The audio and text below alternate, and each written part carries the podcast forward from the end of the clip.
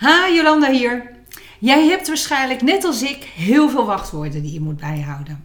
Je e-mail, je, uh, je wachtwoord, je pin van je mobiel, Facebook, LinkedIn, uh, je Google login, je website, de bankrekeningen en ga zo nog maar even door.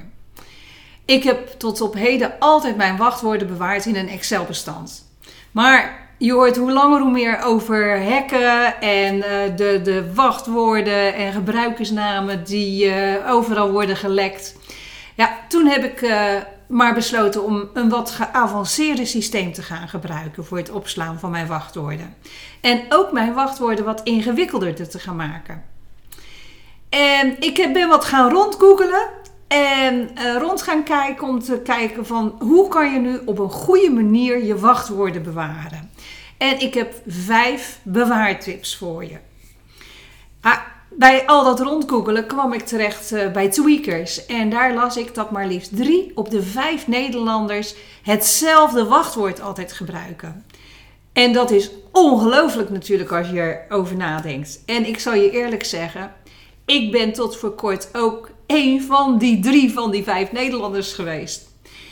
Mijn reden was om te kiezen voor het gemak. Net zoals al die andere mensen. En het is onmogelijk om zelf allemaal verschillende wachtwoorden maar te onthouden. En daarom zijn er zo vreselijk veel mensen die ervoor kiezen om altijd maar datzelfde wachtwoord te gebruiken.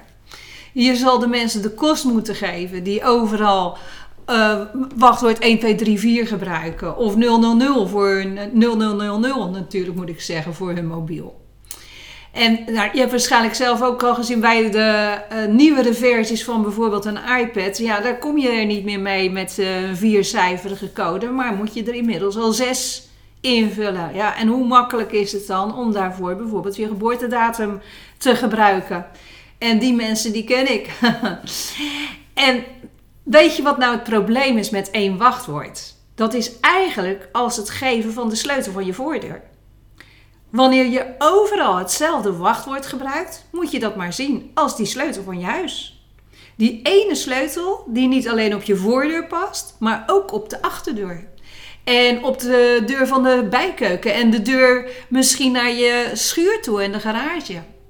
Wanneer je één wachtwoord gebruikt voor verschillende websites en één van deze websites wordt gehackt, stel je voor, je, hebt een, een, een, wachtwoord wat je gebruikt voor alle eh, webshops waar je koopt. Je hebt een wachtwoord die gebruik je voor bol.com en die gebruik je voor de Weekamp en nou, noem ze allemaal maar op.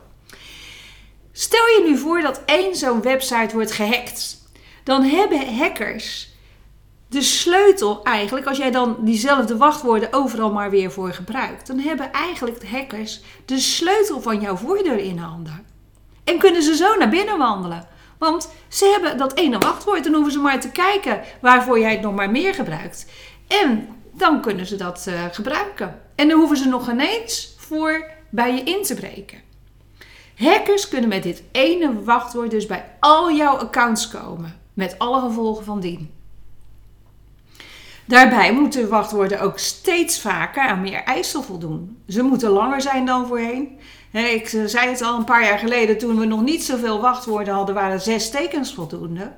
En nu zijn tekens 12 tot 20 stuks, soms al 30 stuks, geen uitzonderingen meer.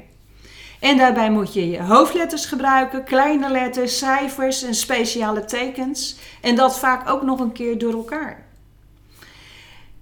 En dat maakt het er allemaal niet simpeler op, omdat uh, sowieso al uit je hoofd uh, te leren.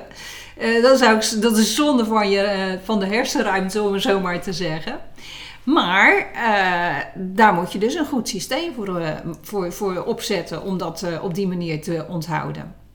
Nou, en wat ik op dit moment gebruik bijvoorbeeld bij mijn accountant en waarmee ik dus mijn aangifte en alles kan inzien en mijn administratie, daarbij wordt er een tweestapsauthenticatie gebruikt.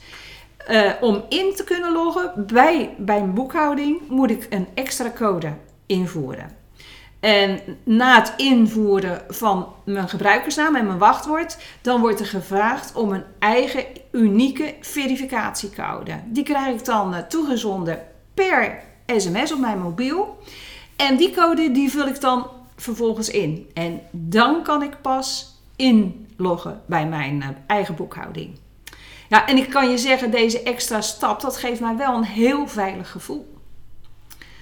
Ben je een Mac-gebruiker, dan kan je bijvoorbeeld je wachtwoorden bewaren in de sleutelhanger. Al je wachtwoorden plus de bijbehorende accounts kunnen dan worden, kan je dan opslaan in je sleutelhangertoegang. In je applicatie in de OS X. En wanneer je, het wachtwoord, wanneer je je wachtwoorden dus het liefst op je computer wil bewaren, is dit een hele goede optie. Bij Apple Tips lees je hoe dit werkt. Waar je ook voor kan kiezen is een wachtwoordmanager te gaan gebruiken. En een wachtwoordmanager moet je maar zien als een digitale kluis waarin je al je wachtwoorden bewaart. Als je bijvoorbeeld naar Facebook surft, wordt automatisch, worden automatisch je inloggegevens ingevuld. En hoef je alleen nog op inloggen te klikken. De kluis is beveiligd met één veilig hoofdwachtwoord. Dit is dus het enige wachtwoord wat je nog hoeft te onthouden. En bovendien kan zo'n wachtwoordmanager zelf veilige en unieke wachtwoorden genereren. En bij mijn zoektocht op het internet naar veilige wachtwoorden bewaren ontdekte ik wachtwoordbewust. En wachtwoordbewust is een initiatief van Tweakers en het Openbaar Ministerie. En zij hebben in november 2018 hebben zij ook een wachtwoordbewustdag in het leven geroepen. En dit hele project dat is belangeloos opgezet in een poging om, om Nederlandse internetters meer bewust te maken van het gevaar van zwakke wachtwoorden. En ze tips te geven hoe ze dit kunnen verbeteren. Nou, op wachtwoord bewust, daar vind je wachtwoordtips en, en beveiligingstips en worden er drie wachtwoordmanagers besproken. En uh, dat is uh, één paswoord, Dashlane en LastPass. Ik heb inmiddels een keuze gemaakt. Ik heb ze alle drie bekeken en ik heb inmiddels een keuze gemaakt voor LastPass.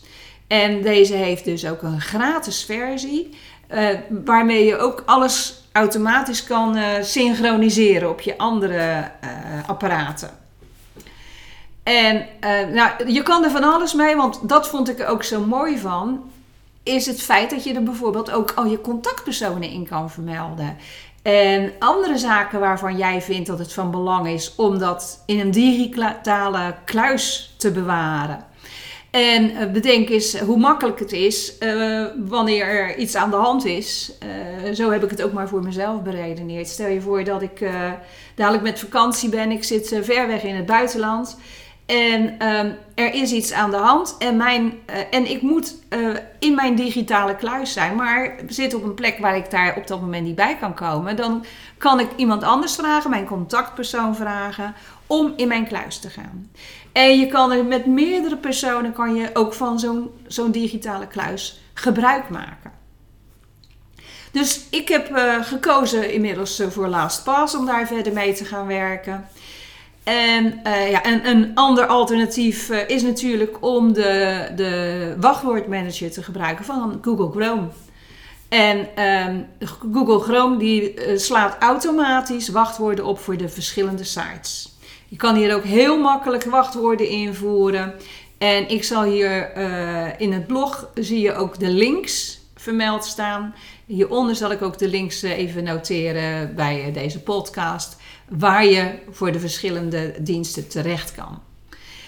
En um, ja, dat voor zover mijn verhaal over wachtwoorden te managen en de mogelijkheden die hier zijn. Uh, ik hoop dat je hier je voordeel uit kan halen. Heel veel succes. Hoi!